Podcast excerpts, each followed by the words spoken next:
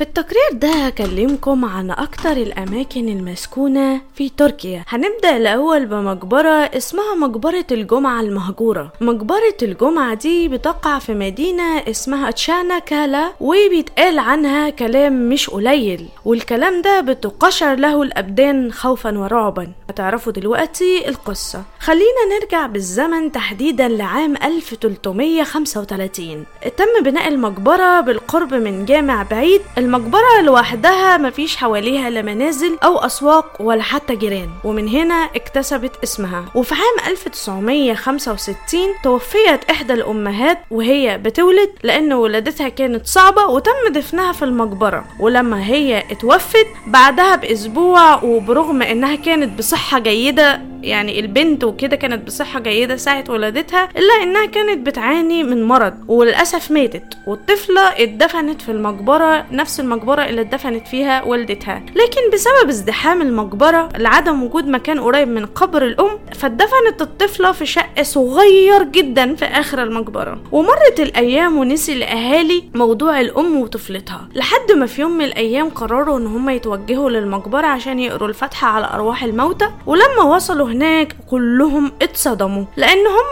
لقوا إن قبر الأم والبنت الصغيرة اتحركوا من مكانهم وبقوا هما الاتنين جنب بعض. فقرروا إن هما يعيدوا كل قبر لمكانه لكن لكن القبرين كل ما بيبعدوهم بيرجعوا تاني زي ما كانوا قريبين من بعض. مرت فترة بعدين استسلموا أهل القرية وسابوا القبرين وكده يبقوا جنب بعض عادي. ولكن في بعض الناس الكبار في السن اللي هم عصروا الواقعة دي مازالوا على قيد الحياة وما زلنا في مقدمة الرحلة ويلا بينا عشان نروح على مكان تاني. المكان التاني ده اسمه هاربوت. نبذة قصيرة بقى عنها. دي ما دي منطقة بتقع في مدينة اسمها إيلازيغ يا رب كنا نطقتها صح. جنوب تركيا وبيعود تاريخها لعام 2000 قبل الميلاد. ولكن هي بقى ما بتقلش رعب وغرابة عن المقبرة اللي إحنا ذكرناها قبل كده. القصة المرعبة دي بطلها ضريح أو للدقة أكتر اسمه ضريح كا... كاموس. بالكاف مش بالجيم عشان ما حدش يفهمه غلط. فإيه هي القصة؟ اشتكى الأهالي اللي هم ساكنين بالقرب من المنطقة إن لما بيجي وقت ساق وكده بي... وقبل ما بيروحوا النوم بلحظات صغيرة بيشوفوا كائن راجل ضخم مجهول المعالم وعلى راسه زي طاقية سودة. بيجي ناحيتهم وفجأة بيبقى فوق صدرهم بيفضل فوق صدرهم لحد أما يفرقوا الحياة ويموتوا بعد صراع طويل مع الكائن ده. وبيقال إن الطريقة الوحيدة للتخلص من الكائن ده هي بإن أنت تشيل القبعة اللي هو حاططها فوق راسه يعني تشيل الطاقية اللي فوق راسه. وبيقول لك إن اللي بيشيلها بيحصل على كنز من الذهب لكن للأسف اللي حصل كان عكس توقعاتهم فالمخلوق اتحول لقطة سوداء ضخمة وشرسة جدا أكتر من قبل كده. ولحد دلوقتي الضريح ده مازال موجود هناك وبيحاولوا التواصل لحقيقة الروايات دي. لكن بصراحة أنا عن نفسي ما حسيتش إن أنا مقتنعة بيها قوي يعني. فهم إزاي عرفوا بموضوع الكائن اللي هو بيقف على صدر البني آدم ده؟ إذا كانت الضحايا بتموت على الفور يعني بمعنى صح مين اللي راح حكى لهم أصلا لما كلهم بيموتوا؟ لكن القصة موجودة على اليوتيوب. مين عارف؟ يمكن العالم بيحمل مفاجآت لا تعد ولا تحصى. وبكده نروح للمنطقة الثالثه منطقة اسمها أسرار جينز توربا. بمدينة قلت الاسم بالمونتاج بقى عشان أنا مش مش عارفة أنطقها بصراحة. وبس هي تعني بالعربي ضريح أسرار جيانز okay؟ وكأن تركيا مش بتخلو نهائيا من الأضرحة المسكونة والمرعبة ودي وقعة تانية كمان عن الأضرحة. حدثت في المنطقة حوادث كتيرة مرعبة ولكن المرة دي كان في شهود عاصروا الواقعة وما زالوا موجودين لحد يومنا ده. الشهود اللي شاهدوا الوقائع المرعبة دي هو باحث تركي بيدعى جون تكين جيرماز بيقول إن هو كان هناك للبحث والتنقيب واللي هو اتقال على لسانه. بيقول إن في عام 1981 وأثناء رحلة مع عدة باحثين لمدينة كاستامونو استعد تم استدعاء بعض الناس لمكان بيوجد من القرب من الضريح. وده بناء على رغبة الأهالي المنطقة عشان هم يشقوا طريق عشان العربيات تمشي فيه. لكن الأمر ده كان بيستدعي عشان الموضوع ده يحصل إن الضريح يتنقل لمكان آخر عشان يعرفوا يفتحوا الطريق فطبعا جابوا. يعني جابوا الجرافة عشان إن هو يشق الطريق وينقل الضريح وأثناء محاولتهم لنقل الضريح الجرار اتعطل واتعطلت كمان ثلاث جرافات تانيين وما كانش عندهم خيار آخر إلا إن هم ينقلوه بالطريقة اليدوية ايا عن طريق الحفر بجنبه باستخدام آه المعول. أنا ما أعرفش إيه المعول ده. ما علينا. المهم لكن يا ترى الأمر نجح المرة دي؟ بيقال يا جماعة إن بعد قرار الأهالي إن هم ينقلوه يدويا بدأوا العمل. لكن الآلة اللي بيستخدموها عشان يحفروا بيها الأرض التصقت بالأرض ومحدش عارف يخرجها. بعد كده حل المساء وبدأ العملين بالقرب من الضريح يلمحون إن في حي بين حين وآخر إن هما بيشوفوا أضواء جاية من الضريح وده زاد الرعب والخوف في أنفسهم. فعدلوا عن الفكرة وفضل الضريح في مكانه من دون وجود تفسير علمي للي حصل. عن الشقة التي لا تباع ولا تؤجر بحجة إنها مسكونة للجن. ودي إحدى الشقق في أنطاليا.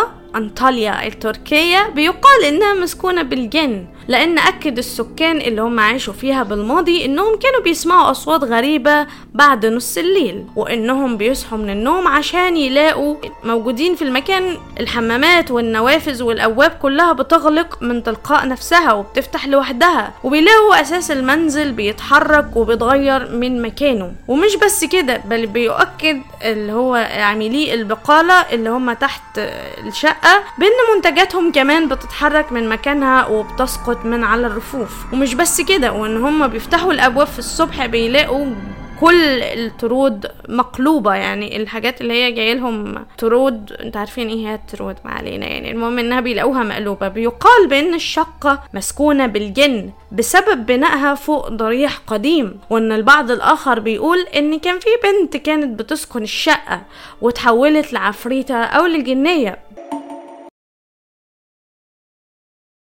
جزيرة غامضة وغريبة في أحد الجزر في المكسيك تحديدا موجودة في جنوب عاصمة مكسيكو سيتي. وفي عندهم مجموعة من البحيرات اللي لعبت دور كبير في أعظم الحضارات في وادي المكسيك. إيه موضوعنا النهاردة عن جزيرة غامضة؟ كلها مليانة عرايس ومليانة أشباح كمان. تقرير النهارده من تحضير صديقة ليا من اليمن. آه معروفة اسمها على الإنترنت ساكورا. تعبت نفسها وشكرا جدا ساكورا. حضرت لنا التقرير الجميل ده. لو مهتمين تعرفوا حكاية الجزيرة دي كملوا الفيديو لحد الآخر. وهحط لكم صور في حالة كنتوا بتسمعوا على اليوتيوب لكل الحاجات اللي أنا بحكي عنها. نرجع بقى لكلامنا دلوقتي. في حضارات اسمها التوليتيك أو الأزاتيك. أنا هحط لكم الاسم على الشاشة لأن أنا مش شاطرة جدا في نطق الأسامي الصعبة أعذروني يعني. لكن موضوع النهاردة ملهوش علاقة نهائيا بتاريخ المكسيك.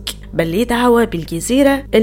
الحكومة المكسيكية بتقول قال إيه؟ إن هي لقيتها بالصدفة لكن وجودها بيطرح تساؤلات كتيرة. جزيرة الدمى لما لقوها كانت مليانة بالدمى المعلقة في كل مكان ومش مجرد دمى عادية دي دمى مقطوعة ومشوهة ومليئة بالرعب والغموض. كل اللي بيشوفها بيستغرب وبيحس بإحساس غريب جدا لما بيكون موجود هناك.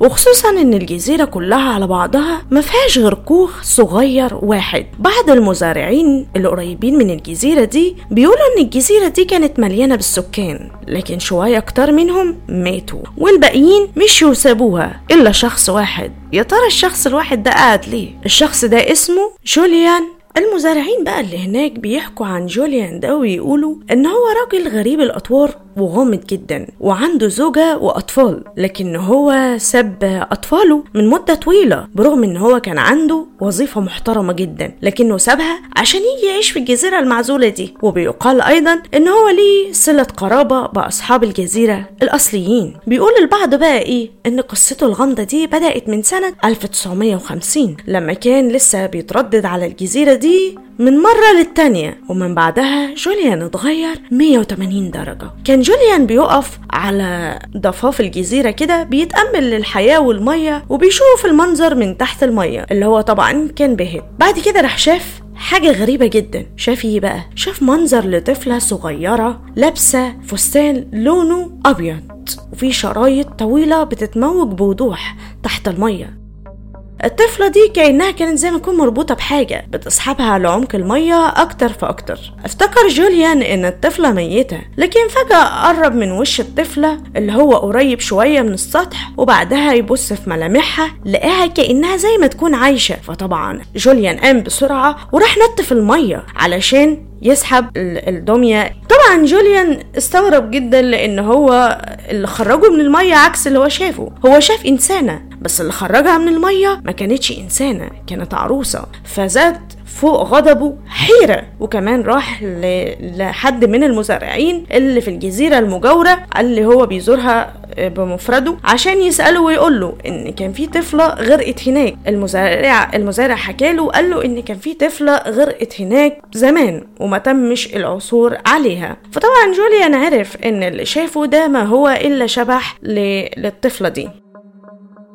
من ساعتها جوليان اتغير في تعامله مع زوجته وأطفاله وبقى بيعزل نفسه كتير وبيفكر في شبح الطفلة دي. كل ما بينام بتجيله الطفلة دي تتوسل ليه إن هو يرجع للجزيرة تاني.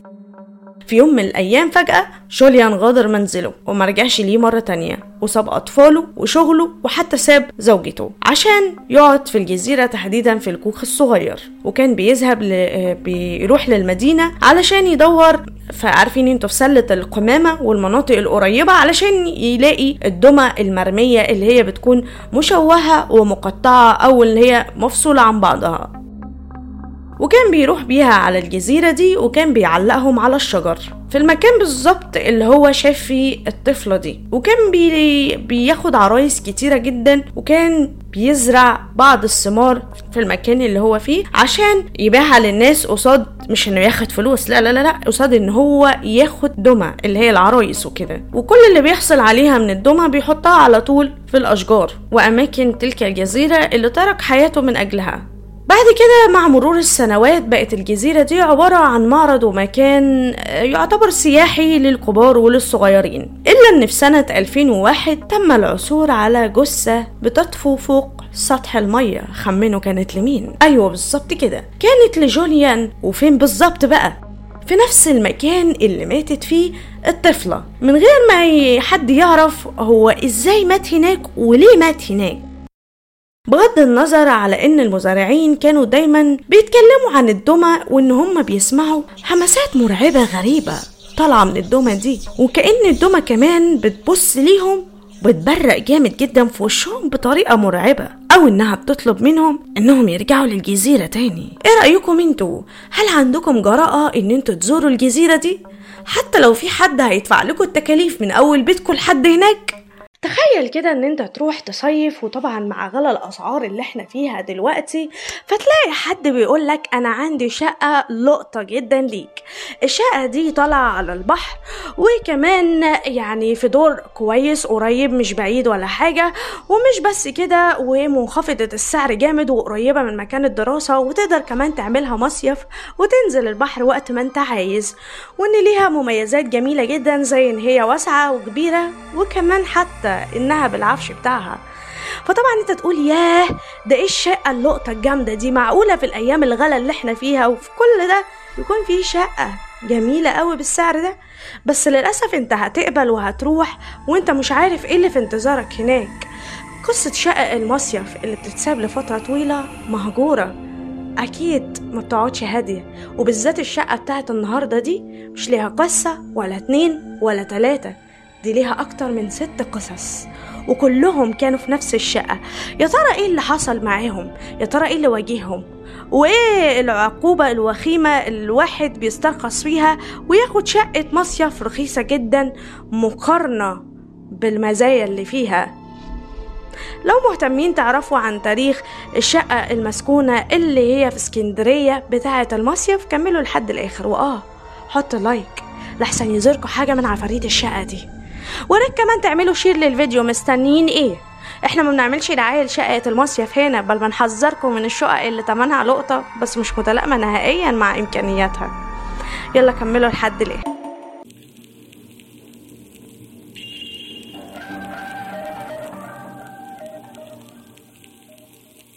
مين فينا ما بيستناش وقت المصيف من السنة للسنة علشان يروح ويشيل عنه الضغط اللي هو حاسس بيه طول السنة؟ وفعلا بننبسط بأوقاتنا وبنرجع حاسين إن إحنا في راحة نفسية إلا إن المصايف فيها جانب مرعب جدا وخصوصا الشقق بتاعة المصايف اللي بتتساب لمدة طويلة جدا ومحدش بيكون قاعد فيها. خلال الفترة دي أكيد بتتسكن بحاجات تانية أو بيكون فيها عمار المكان أو ما شابه عشان كده ممكن تروح في شقة مصيف وتنزل وتقعد تتزاول وتسمع في أصوات وتطلع تبص ما تلاقيش حد تسمع أصوات خطوات في الشقة وبرضه تبص ما تلاقيش حد وما تبقاش فاهم هو إيه اللي بيحصل. هيبقى حظك حلو جدا لو الحاجات دي بتزاولك مش أكتر إنما هيبقى حظك وحش جدا. لو الحاجات دي فيها شر وقوة وحشة جدا ممكن إنها تحب تمشيك بالذوق أو بالعافية.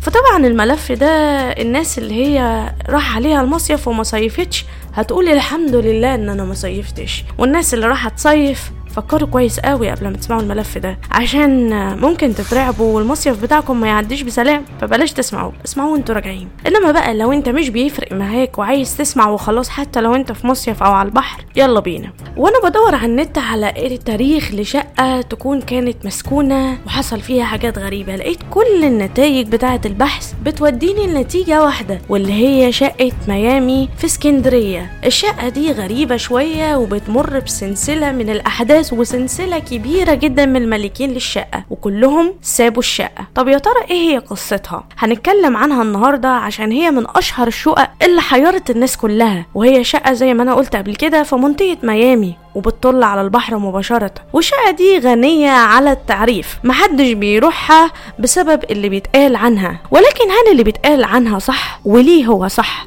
طب وإيه أصلا اللي بيتقال عنها؟ في شائعات كتيرة كترت عن الشقة دي وعن اللي بيحصل فيها ففي ناس بتقول إنها بتسمع صراخ بالليل وإن الحنفيات بتاعت المية بتتفتح لوحدها وبينزل منها دم. ولكن مفيش حاجة تؤكد كل الشائعات دي وفي ناس بتقول إنها أكاذيب وحاجات غير حقيقية. ولكن القصة الحقيقية اللي بيقولوا إنها حقيقية هنتكلم عنها دلوقتي. في التسعينات جاء شاب من القاهرة عشان يدرس بالأكاديمية العربية في الإسكندرية والأكاديمية دي غنية عن التعريف. وقرر أبوه وأمه إن هما يشتروا له شقة عشان تكون مصيف وفي نفس الوقت الولد يقيم فيها خلال فترة دراسته. وبعد بحث مطول جدا لقوا الشقة القريبة من مكان دراسته وفي نفس الوقت قريبة على البحر. يعني تنفع تبقى مكان للمصيف برضه. بتجمع إنها تكون مصيف ممتاز ومسكن رائع للدراسة. وبعد كده ما كذبوش خبر. وقاموا فعلا يشتروا الشقة دي. بدأت الدراسة وانتهى ومر العام الأول والتاني والشاب ما لاحظش أي حاجة مش طبيعية في الشقة. كانت الدنيا لسه عادية ما كانش لسه حصل حاجة. لحد ما بدأ دراسة في عام من الأعوام وجي لي شاب من القاهرة عشان يقعد معاه في الشقة. ومرت الأيام وفي يوم من الأيام الشاب ده استضاف كمان بعض الأصدقاء ومنهم شاب خليجي وليه زميل صديق إسكندراني بيدرس كمان في السنة النهائية بكلية شرطة وصديق آخر آه محدش عارف عنه حاجة إذا كان مثلا زميل الشاب دراسيا أم إن هو مجرد صديق مش أكتر. المهم إنه في اليوم ده اجتمع الجميع في سهرة شبابية. جوه الشقة وجه الطالب اللي بيدرس بكلية شرطة ومعاه مسدس. أنا بص أنا لما بسمع كلمة ومعاه مسدس بفهم إن الكارثة هتحصل بعد كده. بعد كده قام بشراء مسدس والمسدس حقيقي طبعا عشان هو طالب بكلية الشرطة. وأنا طبعا عارفين الناس اللي بتكون لسه الجمدان واخدهم بقى والروشنة وعايزين يستعرضوا بالمسدس بتاعهم. فمسكوا الشاب الخليجي وشد مشط المسدس وفضل يلعب بيه كده كأنه بيصوب عليهم وعايز يقتلهم. يعني تمثيلية يعني. وبعدها خاف الضابط إن هو يحصل حاجة يعني وحشة حدث كده ما يعدش بسهولة. فراح واخد منه خزانة الرصاص وراح شايل منها الرصاص عشان ما تنطلقش رصاصة بالخطأ. بعدين طبعا الشاب الخليجي قلبه جامد قوي لما عرف إنه كده كده المسدس مفهوش خزانة. ولكنه نسي وفضل قاعد يصوب على راسهم كأنه بيضرب. ل... وطبعا فاكر إنه المسدس مفهوش أي حاجة وطبعا كلهم نسيوا إنه في رصاصة موجودة لسه ومهيئة إنها تنطلق. وبالفعل أطلق الشاب الخليجي الرصاص على رأس أحد من أصدقائه وأرضه قتيلا موته خالص. كل ده وهو ظن منه إن ده تمثيل وإنه مفيش حاجة هتطلع يعني بس حصل. عشان كده بلاش نهوج بالحاجات دي أحسن يعني. مرت شهور وبعد كده في تحقيقات الشرطة آه محدش عارف بالظبط إيه اللي حصل للشاب الخليجي أو لطالب الشرطة ولكن المعروف إن الشاب اتقتل في الشقة قتل خطأ. ومرة أخرى بدأ الشاب بيستقر في الشقة عشان يتابع الدراسة ولكن الأمر اختلف هنا. هنا بقى بدأت المزاولات تحصل مع الشاب. في يوم من الأيام صحي الشاب على صوت همهمة وكأن في ناس كتيرة قوي موجودة قدام الأوضة بتاعته. بعدين لما خرج ما لقاش أي حاجة. وبعدين لقى إن الصوت ما كانش داخل الشقة بل كان خارج الشقة فتح الباب عشان يعرف إيه اللي حصل. فبرضه ما لقاش حاجة والصوت اتقطع تماما. الشاب بعدها قال لا أنا مش هبيت في الشقة دي مرة تانية. فطبعا حادثة صوت الهمهمة ما كانتش هي الحادثة الوحيدة إحنا لسه كده بنبدأ نسخن زي ما بيقولوا. بعد كده في عديد من المرات كان الشاب بيسمع فيها صوت خطوات لحاجات بتتجول خارج الشقة بتاعته. صوت شيء بيتدحرج بره كأن فيها أساس أو حاجات بتتنقل. واللي إحنا ما قلناهوش قبل كده إن الشقة دي كانت الشقة الوحيدة في الطابق. يعني الدور كله مش بيحوي غير على الشقة دي بس. يعني ما فيش إمكانية نقول إنه في حد طلع وبيتحرك رايح للشقة اللي هي في نفس الدور. ما فيش الكلام ده. طبعا الناس كلها حاولت تقنعه إن هو مضطرب علشان الشيء اللي هو مر بيه فبعد كده قرر صديق إن هو يبيت معاه على أساس إن هو يقنعه مثلا إيه إنه خلاص أنت بيتهيألك يعني. تأكد الشاب اللي هو اشترى الشقة إن اللي بيسمعه ده ما كانش بسبب الاضطراب أو الإرهاق زي ما الناس كلها حاولت تقنعه. الأصوات دي اللي كان بيسمعها وإحساسه إنه في حد بيراقبه وهو داخل الحمام الشعور ده اتنقل لصديقه. وبقى بيحس بكل الأحاسيس اللي هو بيحس بيها من غير ما يحكي له على أي حاجة أصلا. وكمان بقى بيسمع صوت الريح في الأيام الشتوية كان ليه تأثير عامل زي زي تأثير الحاجات اللي هي بتيجي في أفلام الرعب يعني. بعدها قرر الشاب ده إن هو يسيب الشقة وعرضها للبيع عشان يقوم مشتري آخر يشتري الشقة. المشتري اللي كان بعد كده بقى ده كان شاب لسه بيجهز نفسه عشان يتجوز ولما شاف الشقة عجبته جدا. وقرر إن الشاب إن هو يشطب الشقة عشان يجهزها عشان هيتجوز فيها. وبعد ما عدى كام أسبوع تم الاتفاق مع النقاش إن هو هيقوم بتشطيب الشقة وبدأ النقاش فعلا إن هو يجهز في الشقة ليل وينهار عشان يخلص في إنهاء تشطيبات الشقة بسرعة. وفي يوم كان بيعمل الراجل في أحد الغرف سمع فجأة صوت بيصدر مرة أخرى دخل عشان يشوف إيه هو مصدر الصوت. للحظة كده شاف ولد صغير عنده 12 سنة بيجري بسرعة جدا من قدامه. فعلا راح ينور النور عشان يشوف هو في إيه لكن الراجل اتفاجئ إنه مفيش حاجة. فطلع يصلي واستعاذ بالله وبعدين راح طالع من الأوضة وبعدين بيخش أوضة تانية لقى نفس الولد عدى من قدامه بسرعة وجري. طبعا النقاش أعصابه تعبت طلع من الشقة جري وقال لك لا أنا مش راجع تاني. طبعا كذا علامة أكدت لمشتري الشقة دي إن في شيء مش طبيعي بيحصل في الشقة دي. وقرر هو كمان إن هو يعرضها للبيع. كده الشقة اتعرضت مرتين حتى الآن للبيع. بعد كده القصة تتنقل لحاتم أو اسمه حسام أنا مش فاكرة الاسم بالظبط. ولكن للأمانة حاتم مشتري رقم أربعة في سلسلة ملكية الشقة دي وهو اللي اتعرف منه القصة دي. سمع حاتم الأساطير اللي اتقالت عن الشقة وقعد يضحك كتير قوي وقال إن هو مش بيصدق منها حرف واحد وإن هو كمان بيشتغل مهندس وما بيعترفش بالشيء اللي هو ما ورائيات الطبيعة والكلام ده كلها من الآخر كده ما بيعترفش بالأشباح. شكرا جدا للأشباح دي عشان إن هي رخصت من تمن الشقة وخلت برغم إن هي كل مميزاتها إن هي على البحر وإنها واسعة وكبيرة وفي منطقة هادية إنها تبقى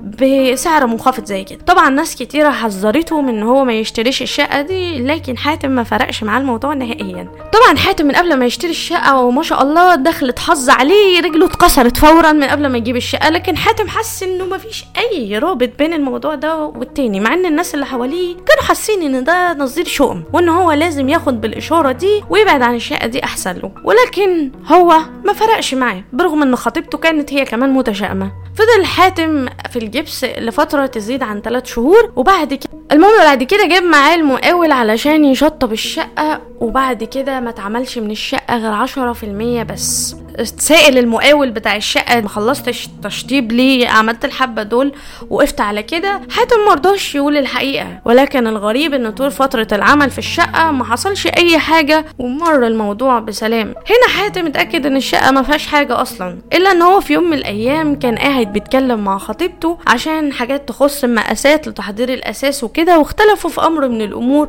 وحصلت بينهم خناقة كبيرة جدا وبعد كده اتحولت لخناقة عنيفة. بعد كده حاتم كان بيقول أنا كنت حاسس بغضب رهيب جدا وكنت على وشك إن أنا أمسك أي حاجة جنبي واكسرها على دماغها عشان خاطر حاجة تافهة. وبعد كده تركته خطيبته ومشيت. حاتم ابتدى يحس بشعور غريب حس بالانقباض وحس إن هو ما ينفعش يقعد في الشقة دي ولو ثانية واحدة تانية. مرت عدة شهور وكانت في الفترة دي حاتم قرر إن هو يبيت في الشقة هو وصديق ليه عشان يعملوا تشطيبات الديكور. ولكن قبل الفجر بساعات بسيطة دخل حاتم الحمام فحس إن في حد قرر الموضوع تاني مع صاحبه. وهو داخل الحمام حس بشعور الضيق والانقباض اللي هو جه لصاحبه قبل كده برضه. بعدين ازداد الموضوع سوء لأن صديقه قال له أنا لاحظت إن في شيء بيتحرك ورا ستارة الحمام وإن في حد بيقوم برفع الستارة وبعد كده لما بيجي هو يبص ما بيلاقيش أي حاجة. هنا حاتم ابتدى يحس إن هو فعلا غلطان وبطل يواصل عناده وحس إن عناده ده مش هيوصله لحاجة أصلا. وان الشقه فعلا ممكن تكون مسكونة إن هي اوريدي مسكونة لأن هو فعلا شاف حاجات كتير تثبت ده. بعدين قرر يعرف تاريخ الشقة دي وعرف بموضوع الشاب اللي اتقتل فيه عن خطأ اللي إحنا حكينا فيه في أول القصة. وبعد كده عرف عدة عدة مواضيع تانية كانت مثيرة للاهتمام برضه. ملك الشقة الأول اللي هو صاحب البناية واللي هو كان في الأول قاعد في نفس البناية دي في طابق تاني. وبسؤال صاحب البناية قال حاتم إنه في هناك عدة حوادث حصلت في نفس الطابق ده. أول حاجة توفى عامل الكهرباء أثناء التوصيلات و... ولقوه متفحم صار إصابته بالصعق الكهربائي. تاني حاجة توفى صبي صغير وهو الولد الصغير اللي إحنا حكينا عنه قبل كده اللي كان عنده 12 سنة. آه شق... ابن شقيق صاحب البناية. آه مات مخنوق في الحمام بالغاز. الحادثة الثالثة لشاب أطلق آه عيار ناري أساب الرأس ومات على الفور. وهنا عرف حاتم إن هو لازم يتخلص من الشقة دي بأسرع وقت. وبعد كده قام ببيعها لشخص كان بيعمل بدولة عربية وفضلت الشقة مغلقة لمدة سنوات وكانت دي آخر مرة لها على ما يبدو. ظلت الشقة مقفولة لمدة طويلة واللي لاحظوا البواب اللي هو الحارس يعني شعور غريب بالخوف بينتابه بمجرد إن هو يعدي قدام الشقة دي. وفي يوم كان بيوصل طلب لأحد الشقق وأثناء مروره لاحظ إن باب الشقة كان مفتوح. قدرش إن هو يقفله ما قدرش يقرب حتى عشان يقفله. وفي صباح اليوم التالي لقى فجأة الباب مقفول مع نفسه. بعد كده سمع صوت بكاء وعويل كأنه بكاء حد صامت ومكتوم كده. وأحيانا الجيران كمان بيسمعوه. اقترح حد فيهم إن هما يجيبوا شيخ عشان ي- يخرج مثلا الشيء اللي بيسكن الشقة دي سواء جن ولا أشباح ولا أيا كان. ولكن الشيء اللي معرفوش الجميع إن الشقة دي غير مسكونة لا بالجن ولا حتى بالعفاريت.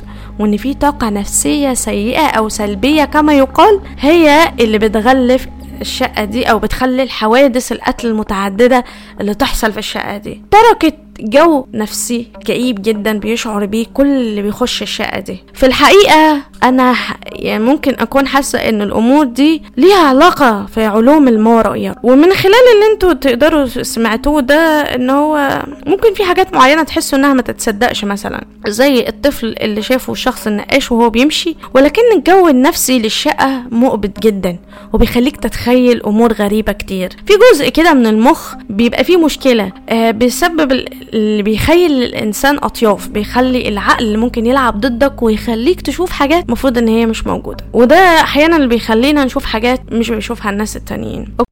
حينما نذكر كلمة قلعة أول ما يتبادر إلى أذهاننا أنها تقع في أعماق الغابة ومحاطة بالأسوار الشائكة من كل مكان. فلطالما ارتبط في مخيلتنا أن القلاع هي مكان للأشباح والأرواح المسكونة. وهذا بسبب الروايات التي قلت عن أغلبها.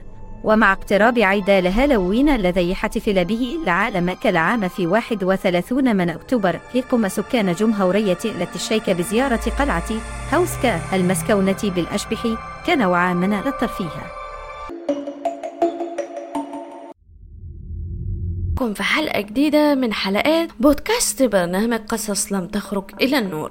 النهاردة بعتت لنا صديقتي ساكورا من اليمن تقرير تاني جديد بعد تقرير جزيرة الدوما. هو بالمناسبة لو ما سمعتوش التقرير ده لأنه برضو كان من تحضيرها رجعوا للفيديو ده واحضروه. أو احضروا الفيديو ده وبعدين روحوا للي بعد كده. المهم يعني ساكورا خيرتني بين ثلاث مواضيع قبل ما تعمل التقرير وأنا اخترت واحد منها. خمنوا أني موضوع؟ الموضوع ده عن مكان اسمه قلعة الشيطان أو قلعة العالم السفلي أو قلعة بوابة الشياطين الموضوع على إيه؟ حد فيكم قبل كده اتفرج على فيلم The Nun الجزء الأول؟ كان بكل اختصار الفيلم بيتركز حوالين مكان أو دير كبير مسكون والدير ده فيه بوابة مفتوحة المفروض إنها مفتوحة على عالم الشياطين الدير ده كان مبني عشان يحمي البوابة دي والراهبات بيتعرضوا لسلسلة من الأحداث المرعبة ومش عايز أحرق على حد في حالة كان في حد ما شافش الفيلم تقدروا تشوفوه والبوستر بتاعه هيظهر على الشاشة دلوقتي بس السؤال هنا هل ده مجرد فيلم ولا مبني على قصة حقيقية؟ إيه هي القصة الحقيقية اللي ممكن تكون متاخد منها الفيلم بتاع The Nun يلا بينا نشوف. اسمها قلعة هوسكا وتحديدا في أوروبا في مكان اسمه التشيك وتقريبا وقت بنائها كان بين 1253 و 1278 الأغرب من كده إنه تم بناء كنيسة فوق القلعة على تل صخري. في مكان كده بعيد في الريف التشيكي. وبتبعد حوالي ساعة عن العاصمة التشيكية في غابة ومستنقعات بعيدة عن الناس. في عهد الملك أوتوكار تم بناء القلعة دي واتغيرت ملكية القلعة لكتير قوي من الأشخاص عبر القرون لكن أغلب الوقت كانت القلعة دي فاضية تماما. وكان الغرض من بنائها الحقيقة إن القرية دي على حسب القول اللي بيتقال عنها يعني إنها كانت معمولة عشان تكون مركز إداري للملكات الخاصة للدولة. بيقال بقى إن المكان اللي اتبنت فيه القلعة ده مكان مسكون وفي الحرب العالمية التانية الألمان استخدموه كمعسكر ليهم. ولكن في أحد المرات وهم بيشتغلوا على ترميم القلعة وجدوا شيء غير متوقع. وجدوا هياكل عظمية مجهولة. ولكن على حسب التقارير إن الهياكل دي كانت بتخص ضباط نازيين. بيقال إن الأحداث اللي ظهرت في القلعة دي خلت الجنود يختاروها. عشان تكون كمعسكر ليهم. حتى إن هم ابتدوا يلجأوا للمكان اللي فيها تحت الأرض علشان يساعدهم كنوع من السحر والشعوذة. وفي حقيقة غريبة عن القلعة دي وهي إن شبابيك القلعة مزيفة ومش حقيقية بالمرة وإن مفيش مصدر للمية أو الأنابيب حتى المتصلة بالقلعة. ومفيش أي مصدر للصرف الصحي ومفيش حتى مطبخ. كلها عبارة عن مجرد أوض فاضية. وفي النص جواها كنيسة. وبيقول بقى إن داخل الكنيسة دي في لوحات فنية معلقة على كل جدرانها. وبحسب بقى كلام الخبراء بتعتبر اللوحات دي من أقدم اللوحات الموجودة في أوروبا. لكن إيه بقى اللي اثار دهشة الناس؟ هو وجود لوحة بتجسد الملاك ميكائيل وهو ملاك معروف في الديانة المسيحية على انه ملاك بيحارب الشيطان. لكن في اللوحة كان الملاك بيحارب التنين وهو رمز الشيطان في المسيحية. بيقول البعض إن الهدف الرئيسي لبناء الكنيسة دي هو لإغلاق حفرة بتؤدي للعالم السفلي. بيقال إن في الماضي كان بيخرج من القلعة دي مخلوقات غريبة وشياطين ووصل الوضع لأن الشياطين دي بتخرج في النهار وبتهاجم الناس. وبيقال إن أغرب المخلوقات اللي بتخرج من الحفرة دي هي مخلوقات هجينة ما بين الإنسان والحيوان. كمان في مخلوقات بأجنحة بتاخد الناس من القرى اللي هي مجاورة للمكان وبترميهم في حفرة اللي هي بتودي للعالم السفلي. شاف بعض الناس والسياح اللي بيروحوا يزوروا المكان هناك؟ مخلوقات غريبة. بتمشي في القلعة. بالإضافة كمان إن اللي بيروح للقلعة دي بيسمع همسات وضرب على الأرض تحت الكنيسة. فبيعتقد إن الشياطين بتحاول تخرج. لكن في رواية بيتفق عليها كتير قوي وهي لما هم بنوا القلعة دي عملوها عشان يجمعوا كل السجناء المحكوم عليهم بالإعدام وكانت طريقتهم في إعدامهم هي إن هم يحطوهم في الحفرة دي واللي يقدر يطلع منها ويرجع عشان يقول لهم إيه اللي حصل فيها هيفرجوا عنه وفوا عنه تماما. ففي أحد الأيام طوع أحد المساجين عشان يدخل جوه الحفرة ويخرج تاني وياخد إعفاء. لكن اللي حصل إن هم ربطوه ونزلوه جوه الحفرة وبعد دقايق صغيرة لما هم رفعوه لقوا إنه هو نزل شاب لكنه طلع عجوز عنده شعر أبيض وعنده تجاعيد.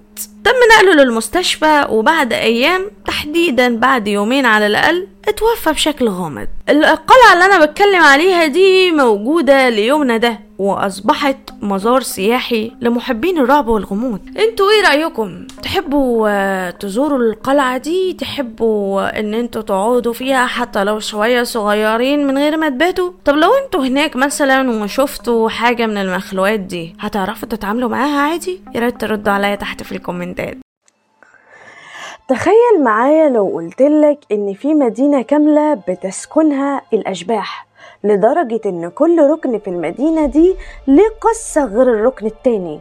مدينة كل جزء فيها كان مليان بتاريخ دموي وبجرائم قتل شنيعة وبسبب الموضوع ده المكان اتحول لمدينة أشباح. فإيه اللي يحول مدينة جميلة فيها ثروات معدنية كتيرة؟ لمدينة مهجورة لمدينة بتاعت أشباح والكل بيزورها علشان يرصد الأشباح اللي فيها. فإيه قصة المدينة دي؟ وإيه اللي حصل فيها؟ وإيه قصة الأماكن المهجورة فيها؟ دي قصة أنا متأكدة إن أنتوا بنسبة كبيرة مش هتكونوا سمعتوها قبل كده.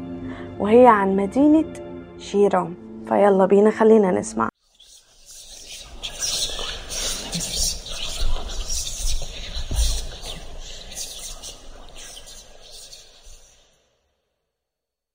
القصة بتاعت النهاردة اللي أنا هحكيها لكم دلوقتي اكتشفتها بالصدفة وأنا بتفرج على فيلم رعب. الفيلم ده اسمه Woman in Maze وعبارة عن واحدة بتشتري بيت وبتقعد فيه وبعد كده بيحصل معاها أحداث غريبة بس هو مش ده اللي لفت نظري. اللي لفت نظري اسم المكان اللي هو معروف إنه كله بتاع أشباح وإن كل زاوية في المدينة ليها قصة تخص الأشباح. فأنا جالي فضول أعرف هو المكان ده بجد ورحت مدورة في جوجل على مدينة اسمها مدينة جيروم والصادم بقى إني لقيتها. طبعا أنا عارفة إنه ممكن يكون بعضكم يعرف بوجود المدينة دي بس أنا بصراحة أول مرة أعرفها خصوصا أول ما عرفتها عرفتها في فيلم ففكرتها حاجة خيالية ولكنها طلعت بجد. فخلينا دلوقتي نعرف مع بعض إيه قصة المدينة العجيبة دي.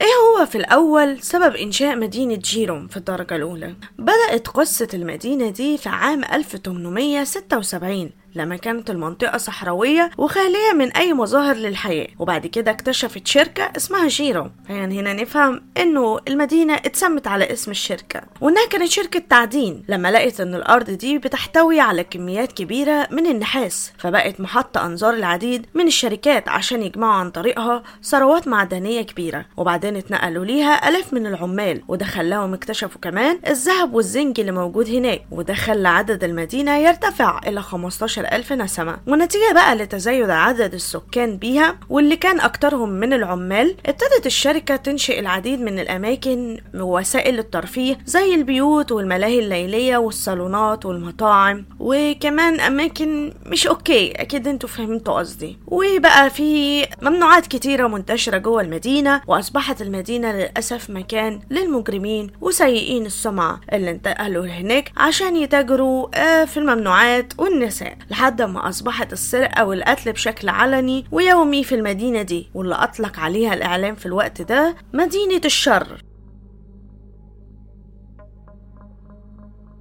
فإيه اللي أدى لخراب مدينة جيروم؟ بعد فترة من الد... من الزمن بدأت ثروات المعادن في تلك المدينة إنها تبتدي تقل لحد ما وصل الأمر في الخمسينيات إنه خلاص ما بقاش في أي حاجة موجودة جوه المدينة دي ينفع إن هم يعيشوا ليها. مفيش غير تقريبا 100 شخص بس اللي كانوا بيحاولوا يلاقوا مكان يقعدوا فيه في المدينة المهجورة دي ويعيشوا على الزراعة ولكن مع مرور الوقت المية جفت. فطبعا ما بقاش بقاش عارفين لا يزرعوا ولا يشربوا فطبيعي جدا إن هم يسيبوا مدينة جيرو. فأصبحت مدينة جيرو مهجورة كليا. كان في طبعا محاولات لإعادة إحياء المدينة. في القرن السبعين الناس حاولت آه، تحديدا جماعة من الموسيقيين حاولوا إن هم يحيوا المدينة دي بالتوجه ليها بعد أما شهرتها زادت جامد على إنها أكبر مدينة للأشباح في الولايات المتحدة الأمريكية. وطبعا كلهم اتوجهوا ليها علشان يعيدوا ذكريات الحقبة الزمنية بتاعة المدينة دي عشان المدينة كانت بتحتوي على آه، مباني وحاجات تعتبر كلها قديمة وأثرية ولكنها بتحتوي في الغالب على ذكريات كلها سيئة برضو.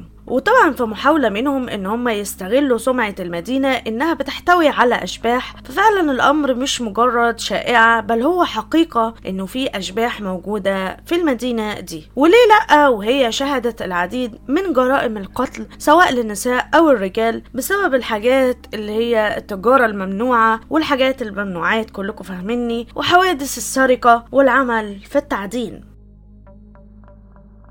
خلينا بقى نتكلم على أهم الأماكن الأشباح اللي موجودة في مدينة جيرو عندنا الأول قاعة اسمها قاعة سبوك والقاعة دي شهيرة بالمدينة إن تم إنشائها على آه، قمة من القمم وكانت مخصصة فتيات الليل وحياة الليل. في أحد الليالي تم طعن بنت جوه المكان لحد أما ماتت. ومن الليلة دي وهم بيأكدوا إنه في أشباح كتيرة كانت بتخرج كل ليلة بتتجول داخل القاعة وبين طرقات القاعة. وفي شارع من شوارع مدينة جيروم كان في مكان كده معين كان فتيات الليل بتقف فيه علشان يحصلوا على الزباين زي ما كنتوا بتشوفوا في الأفلام الأمريكية السينمائية. لكن في أحد الليالي البنت دي اتقتلت على يد راجل شهير هناك في الفترة دي اسمه سامي دين. ومن اللحظة دي وبقى شبح البنت دي بيخرج بحثا عن الشخص اللي قتلها وعلى وجهها بيبدو فيه ذهول كتير. إنما دلوقتي هكلمكم على نزل مدام جيني وده من أكتر الأماكن الشعبية في المدينة دي واللي هو كان زمان مليان بالبشر الكتير وكان بيروح ليه كل اللي بيبحث عن مشروع صغير أو شراكة مع الناس اللي هم رأس الماليين في تلك المنطقة. ولما المو... المكان أصبح مسكون من ساعة قتل السيد جيني على يد أحد النزلاء من بعد كده تم قتل زوجته أيضا واللي كانت روحها بتخرج في المكان وبتقوم بتحريك المقاعد والأدوات وبتنشط تحركاتها بشكل كبير في المطبخ والمطعم. كمان بيحصل نشاط آخر للأشباح. لراجل مسن بيقوم بتغيير بيقوم بتغيير الأماكن الصور المتعلقة على الحيطة وبيفتح الأبواب وبيفتح الشبابيك. كمان في شبح لراجل أصغر منه سنا وده بقى بيقوم بحركات كوميدية زي إن هو يظهر فجأة قدام الزوار وبعدين يرجع يختفي تاني وبعدين إن هو يزقهم من ورا وحركات زي كده يعني. طبعا الأمر مش بيقتصر على كده بس بل كمان في ظواهر خارقة زي مثلا إنه بيحصل أضواء بتظهر فجأة وبتختفي ومثلا كده بتنتشر ريحة عطور وزهور في المكان كله وبعدين فجأة تتلاشى ما كانتش موجودة. وحنفيات المية هناك بينزل منها المية من غير ما حد يفتحها أصلا. وحاجات تانية كمان بتتحرك من هناك من غير ما أي حد يلمسها.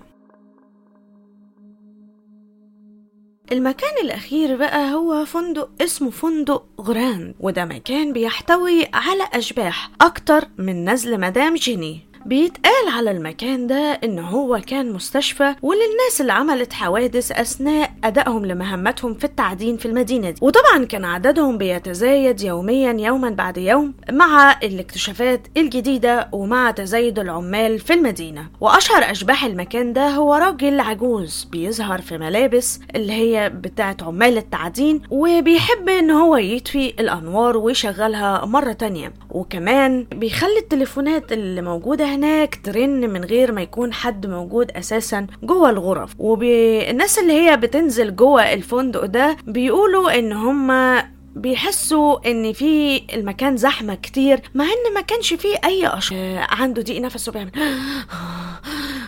زي كده. والصوت ده بيسمعه كل في الفندق بوضوح على فترات متقاطعة. كمان في مقابر جيروم اللي هو مفيش أي شيء فيها الأشباح باستمرار. خاصة إن معظم الناس اللي تم دفنهم في المقابر دي هم أشخاص يا إما ماتوا مقتولين أو نتيجة حوادث التعدين. وبتطلع من المقابر دي أضواء ملونة وإنت كمان بتتجول بالقرب منها. هتقدر إن إنت تسمع أصوات وصراخات بتنطلق من داخلها. في النهاية إحنا نقدر نقول إن المكان ده أصبح مزار للسياح علشان يشوفوا الأشباح عن قرب ويقدروا إن هم يتعايشوا معاهم. من دون خوف. وده طبعا مفيش شيء تم إثباته لحد دلوقتي إن في شخص اتضرر من الأرواح دي ولكن على ما يبدو إن الأشباح مستمتعة بوجود البشر هناك من جديد خصوصا بعد ما تم إحياء المدينة وإعادة تعميرها مرة أخرى وفتحها للزوار كمكان مزار سياحي. فلو كنت هناك في أمريكا هل بتقدر تزور مدينة جيروم ولا لأ؟ دلوقتي لو أنا سألتكم وقلت لكم برأيكم. إيه أكتر مكان ممكن يكون مجمع أشباح في العالم؟ هل هتعرفوا الإجابة؟ هديكم ثلاث ثواني تفكروا. okay. المكان ده اسمه مزرعة وولز في أمريكا ليه حكاية بشعة ومأساوية جدا جدا جدا. المزرعة دي مجمعة كمية لا حصر لها من الأشباح. أيوة زي ما بقولكوا كده. وكلها قصص مريبة جدا وكل جزء في البيت تقريبا ليه قصة غير التانية. ومن التقرير اللي أنتوا هتحضروه دلوقتي هتعرفوا قصص الأشباح دي. بس قبل ما تدخل تدخلوا الفيديو ياريت تشتركوا وتفعلوا الجرس عشان مفيش حاجة من الأشباح دي تزوركم في البيت. طبعا بهزر. يلا بينا خلينا نسمع التقرير الصوتي اللي أنا عملته ليكم. ويا ريت تشتركوا وتفعلوا الجرس عشان يوصلكوا كل الجديد أول بأول. يلا بينا let's go البيوت من ضمن الأماكن اللي مش شرط دايما في العادة تكون ذكريات كويسة وجميلة. ممكن للأسف الشديد بتحوي على كوارث وحاجات غريبة وغامضة ومرعبة حصلت جواها. فالنهاردة موضوعنا عن أكتر مكان غامض اتقتل فيه عدد كبير جدا من الناس ويعتبر أكتر مكان حصد أرواح وأكتر مكان فيه أشباح. معه مجموعة من الجرائم اللي هتحسوا إنها مش مرتبطة ببعضها. المزرعة الأكثر رعبا في أمريكا وهي مزرعة اسمها مزرعة ألز اللي بيميز المزرعة دي إن فيها أشباح كتيرة وبيقولك إن ده أشهر منزل مسكون في أمريكا عن جدارة. وبيقال إن المنزل ملعون لأن هو اتبنى فوق مقبرة قديمة للهنود الحمر. وإن من بين أشباح المنزل الكتيرة جدا في شبح لمرأة من الهنود الحمر. وبيقول البعض الآخر إن تعدد الأشباح في المنزل مرتبط بتاريخه الدموي وبيزعم بعض أصحاب الرأي وقوع حوالي 11 جريمة داخل البيت. من ضمن الجرائم المرعبة والمخيفة جدا اللي حصلت في مزرعة والز أشهر مزرعة مسكونة في أمريكا إن في ثلاث جنود اتحاديين اختبأوا وقتلوا داخل المنزل خلال أحد المعارك الحرب الأهلية الأمريكية وبيقال إن في بقعة دم كبيرة على شكل إنسان فضلت تغطي أرضية الغرفة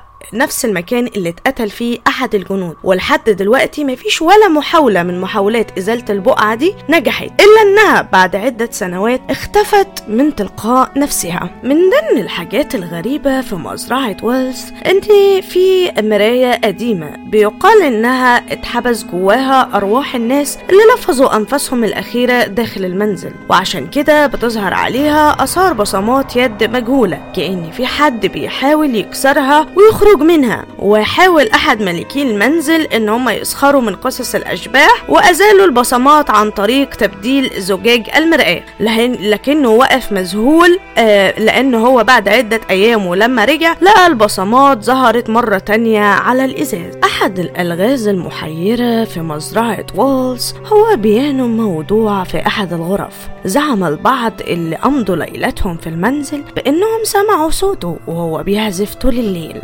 والغريب إن العازف المجهول ما بيعرفش يعزف سوى مقطوعة واحدة فقط بيستمر في تكرارها مرة بعد الأخرى. كان العازف بيتوقف إذا دخل شخص ما للغرفة عشان يتحقق من مصدر الصوت وبالطبع كان هيلاقيها مفيهاش حد. وبيشاهد لوحة المفاتيح مغلقة لكن أول ما بيغادر الغرفة بيعود الصوت مرة أخرى. من أشهر الناس اللي اتقتلت في, في مزرعة والز ويليام وينتر وهو أشهر المقتولين في المنزل. كان محامي وصهرا للسيدة ميري كوب مالكة المزرعة وكان بيعيش معاها في منزل آلز برفقة زوجته وأطفاله. وفي مرة من المرات عام 1871 نادى شخص مجهول عشان يشوفه وأول لما طلع عشان يتكلم معاه على طول أصابته آه، رصاصة قاتلة لكن هو ما ماتش. حاول يرجع تاني للمزرعة وحاول يزحف برغم جراحه للمنزل. واستمر في الزحف لحد ما وصل للطابق التاني عشان كان بيحاول إنه يموت في أحضان زوجته الحبيبة مع الأطفال. لكن للأسف المسكين قواه راحت منه ولفظ أنفاسه الأخيرة عند الدرجة السابعة عشر من السلم. وبيقال إن شبح وينتر بيزال يحاول الصعود إلى الطابق الثاني حتى اليوم لكن هو يفشل في كل مرة. في عام 1985 حصل الفريق تصوير أحد المسلسلات التلفزيونية بعنوان ذا لونج هوت سمر على الإذن من مالك المنزل لتصوير بعض المشاهد بداخله. اللي حصل إنه الناس اتجمعوا عشان يصوروا مشهد جوه أوضة فشالوا كل الأساس بتاعه وجمعوه في زاوية معينة وراحوا يصوروا في أوضة تانية. ولما رجعوا لنفس الأوضة اللي هم كانوا شالوا منها الأساس. لقوا الأساس رجع مكانه زي ما كان. وهم اتصدموا لأن هم عارفين إنه مفيش حد دخل وراهم أو معاهم علشان يرجع الأساس تاني زي ما كان. ولو حد في حد معاهم من طاقم التصوير ليه هيرجع الأساس اللي هم تعبوا عشان يشيلوه ويركنوه على جنب؟ فهل الأشباح هي اللي عملت كده؟ من ضمن غرائب مزرعة والز هي المراية اللي متعلقة على الحيطة اللي بيقال إن بيظهر فيها مرأة بتنزل من على السلم وهي بتغني وبترقص. وبعد كده بتتوقف مرة واحدة قدام المراية فبتتغير ملامحها إلى الخوف والغضب. وساعتها بتبدأ تبص بنظرها داخل المراية كأنها بتدور على حاجة مفقودة. وبيقال إن الشبح هو لفتاة تعرضت للقتل داخل المنزل لسبب مجهول بينما كانت واقفة قدام المراية. ولأنها لم تستطيع رؤية وجه قاتلها فإن شبحها الغاضب بيفضل يبص دايما على المراية. يعني محاولة منها إنها تلمح إنعكاس وجه القاتل فترتاح روحها المعذبة السيدة بوتر هي اللي كانت مسؤولة عن إدارة مزرعة ألس وكانت بتعامل العبيد كويس جدا وبتدير كل شؤون المزرعة إلا إن هي كبرت في السن وخلاص ما عادتش قادرة تخلي بالها من أي حاجة. فاضطرت إنها تدور على حد تديله مهام المزرعة وكل حاجة فما لقيتش قدامها غير جوز آه، بنتها سارة وفعلا ادت له كل المهام. لكن جوز سارة كان معروف إن هو انتهازي واستغلالي وكان للأسف بيتعدى على خدمات القصر. كان منهم الخادمة كلوي. بكل اختصار كان بيميزها وكان بيقول لها عشان نبقى تفضلي هنا من غير ما تشتغلي في الحقل وتتعبي نفذي كل طلباتي وانت ساكتة. إلا إن جت في فترة كان بيهدد إن هو هيمشيها ولما هي فعلا اتأكدت من الموضوع ده حطت سم في الكيكة وسممته هو وعيلته كلهم ومات. من ساعتها شبح الخادمة كلوي موجود هناك ودايما الناس تشوف الست اللي هي السمراء اللي بترتدي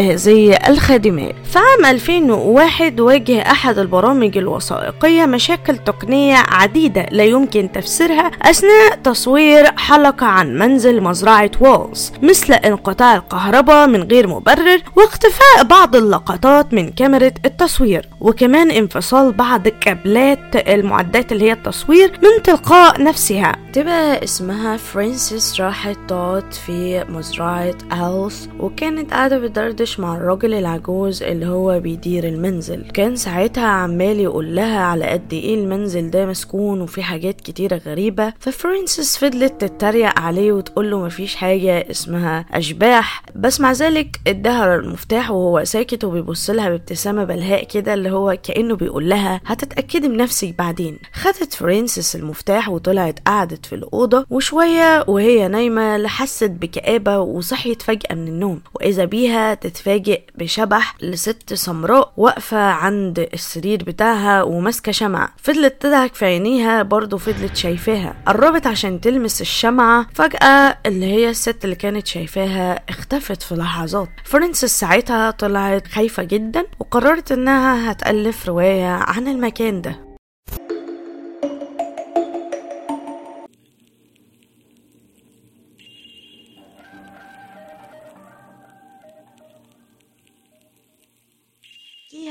والقرية دي اسمها صعب شوية فأنا هحط لكم الاسم هنا بالمونتاج موجودة في تركيا.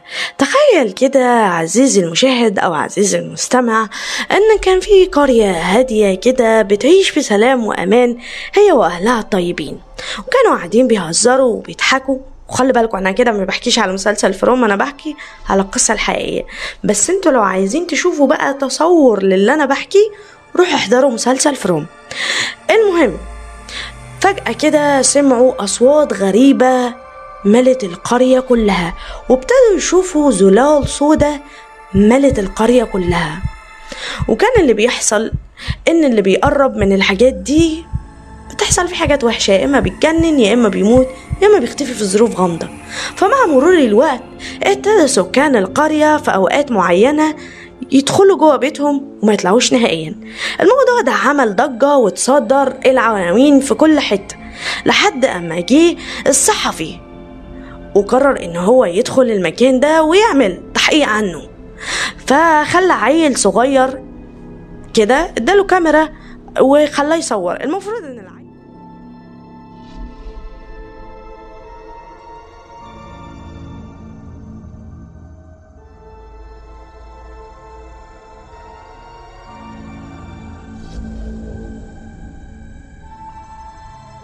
يصور. المفروض إن العيل ده ما كانش يطلع في التوقيت ده أصلا. المهم قال له أنا هسيبك تصور بالكاميرا دي وهرجع أخدها منك تاني بعدين. بعد كده الصحفي سابه وقعد يتجول هو مع نفسه في المدينة. السؤال اللي أنا بستغربه هنا هو ليه ما صورش بنفسه؟ لما أنت كده كده موجود اطلع صور أنت بنفسك. أنا مستغربة قوي من من ردة فعل الصحفي ده. المهم إن إحنا نكمل يعني. وهو ماشي طلع على جسر كده مية وراح معدي الناحية التانية. إلا إن هو اتفاجئ إن في راجل وقف وراح قال له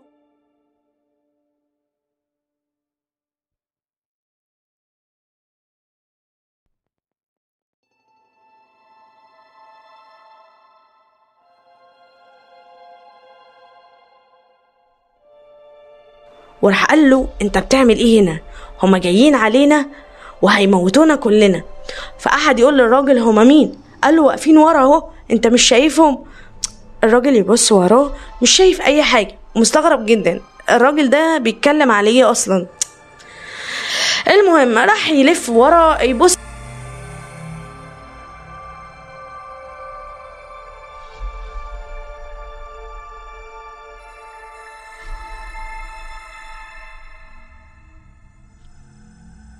بس كده بس بعيد ورجع تاني بنظره لقى الراجل اختفى في لمح البصر. بسرعة جدا. الغريب في الموضوع إن هو كان ماشي بيصور تقريبا بموبايله أو أو بحاجة معاه كان معاه كاميرا تانية غير إداها للواد أنا مش فاهمة بس مش مش عارفة في السنة دي أصل كان زمان جدا معرفش التصوير كان عامل إزاي وقتها. المهم يعني الكلام ده على عكس قصص كتير جدا تم تصويره. الولد بقى بعد ما رجع البيت حصل أغرب مشهد دموي هتسمعوه الولد أطلق النار على أبوه وأمه وفي الآخر موت نفسه وراح كتب على الباب كلمة غريبة جدا. للأسف مش هقدر أحط لكم الصور في اليوتيوب تقدروا أنتوا تدوروا بنفسكم وتعرفوا اسم القرية. اهو للمرة التانية. روحوا دوروا هتشوفوا أنتوا بنفسكم. وهتشوفوا حتى الفيديو اللي تم تصويره من القرية. لو عرفت أحط بعض اللقطات هنا في الفيديو هحطها. المشهد كان غريب جدا لدرجة أنا نفسي جسمي أشعر وحسيته حقيقي. في ناس قالت نظرية إن ده مشهد إيه بس يعني إعادة تمثيل اللي حصل. وفي ناس تانية تقول لأ ده هو ده التصوير اللي حصل فعلا. المهم بعد الحادثة دي اتقبض على الصحفي ده وخدوه علشان يحققوا معاه مش اتقبض عليه.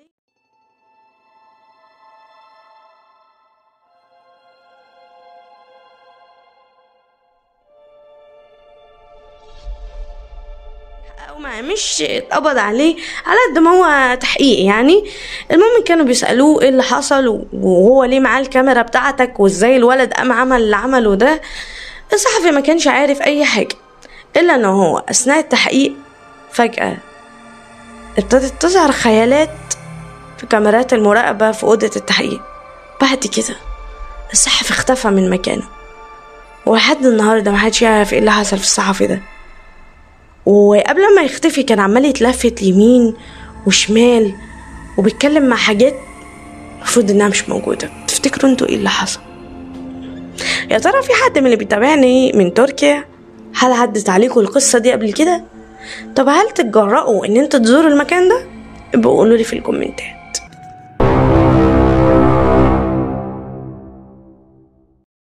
جبل حرفة جبل موجود في المملكة العربية السعودية وتحديدا في مركز بني عمرو اللي تابع لمحافظة النماص جنوب غرب المملكة. بيقال إن اللي بيروح للجبل ده بيصبح مجنون والجن بيسيطر عليه أو إن هو بيختفي وما بيرجعش تاني. وفي القصص اللي الناس اتداولوها بينهم وبين بعض عن أشخاص رجعوا من هناك وهم عندهم قوة رهيبة جدا في الشعر والنثر. كما أن الجبل هو جبل صخري منحوت على أحد جوانبه نحت على هيئة باب وتداول البعض أن هذا الباب الصخري المنحوت يتحول في الليل إلى باب حقيقي تخرج منه الشياطين ويبلغ ارتفاعه 2419 مترا عن البحر تحيط به غابات وقرى بني عمرو.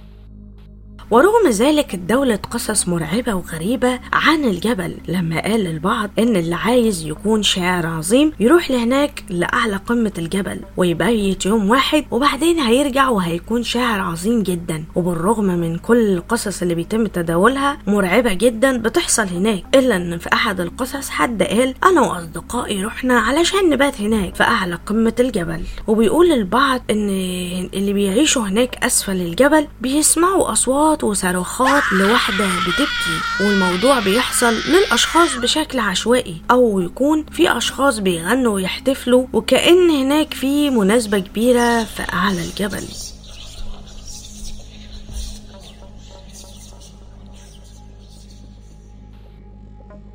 قصة أخرى تداولت في أحد الصحف السعودية وهي أحداث شهدها وعاشها أحد سكان بني رافع فيقول إنني حينما كنت عائد إلى منزلي بعد ذهابي لأحد المناسبات وصادف في طريقي أربعة أشخاص أتراك الجنسية وكانوا في طريق قريب من الجبل فاستغرب الرجل منهم وسألهم لماذا أنتم هنا؟ فأجابوا إن اثنين من أصدقائهم صعدوا قمة جبل حرفة الساعة العاشرة بالليل ولم يعودوا لحد اللحظة ونرجو منك أن تساعدنا إذا كنت تعرف عن الجبل فأن تذهب وتتفقد حال أصدقائنا.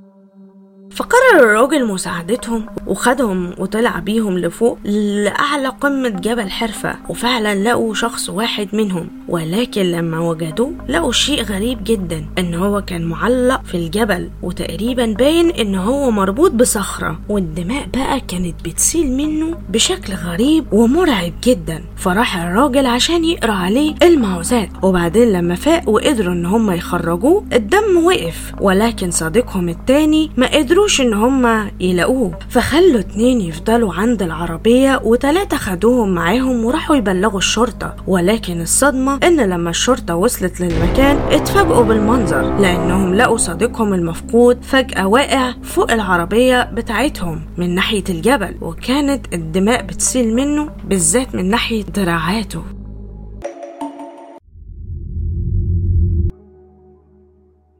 أغرب الأماكن وأكثرها غموضا ورعبا تجمعت حول هذا المكان الكثير من الأساطير. قد تكون صحيحة وقد تكون خرافة. بئر برهوت. بئر ملعون. يقال إنها تتعذب فيه أرواح الكفار. تخرج منه روائح كريهة ونتنة مظلم وكبير ومرعب. ويقول أهل العلم والدين إن نهاية العالم من هذا المكان. وحذر الدين الإسلامي من هذا البئر ووصفه بالبئر الملعون. والأشخاص الذين يعيشون بقرب هذا البئر يقولون أن البئر موجود قبل الميلاد ويوجد فيه ملك مكلف بتعذيب الأرواح واسمه دوما حسب قول بعض العلماء. رغم ذلك يصف البعض أن طعم الماء فيه حلو جدا لكن رائحته كريهة جدا. يقع بئر برهوت في اليمن واختلف مكانه الحقيقي لكن يذكر أنه موجود في محافظة المهرة. وكلمة برهوت لها الكثير من المعاني وأبرز المعاني الموجودة في اللغة الحميرية هي أرض الجن أو مدينة الجن. واتساع فجوته حسب بعض المصادر إنها تصل إلى مئة متر مربع وعمقه يذكر البعض إنه قرابة المئتين وخمسين مترا.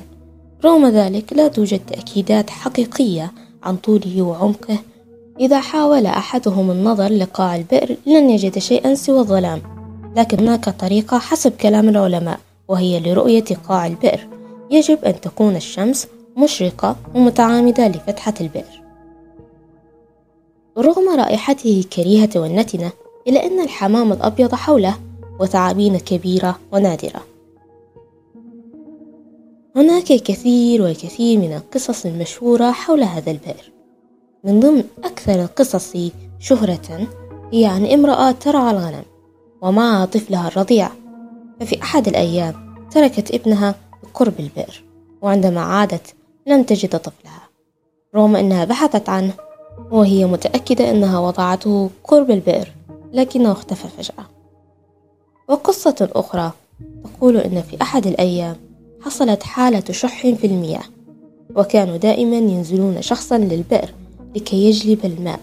وفي أحد المرات أنزلوا أحد الأشخاص وفجأة بدأ بالصراخ ويقول أخرجوني. وعندما أخرجوه بسرعة وجدوه ميتا بوجه شاحب ونصفه السفلي غير موجود بالكامل. بالرغم من غرابة هذا البئر ورعبه إلا أن الكثير من البعثات والعلماء قاموا بزيارة هذا البئر وأغلبهم فندوا حقيقة البئر الموجود في المهرة. فقد زارت هذا البئر بعثة عمانية وقد قاموا بتفنيده بالكامل أن يكون هذا البئر الذي في المهرة هو نفسه بئر برهوت. في الحقيقة توجد قرابة السبعة آبار في حضرموت والمهرة. جميعها يقال عنها إنها بئر برهوت لكن لا أحد يعرف أين البئر الحقيقي إلا أنه بالتأكيد موجود في اليمن وربما يكون في حضرموت. وهناك رواية تقول إن البئر الحقيقي موجود في حضرموت وليس في المهرة وهو يوجد بالضبط في تريم هناك الكثير من القصص وكلها تقول أن هذا البئر بئر ملعون.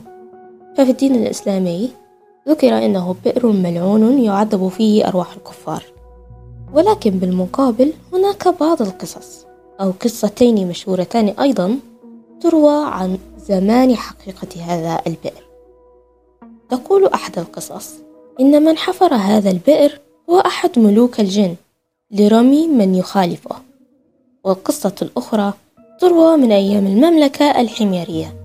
حيث أحد ملوك هذه المملكة استعان بالجن ليحفروا له البئر من أجل أن يحفظ كنوزه وثروته الهائلة في قاع البئر. وعندما مات استولى الجن على ثروته وعاشوا في قاع البئر. ترى ما هي القصة التي أنت تصدقها حول هذا البئر؟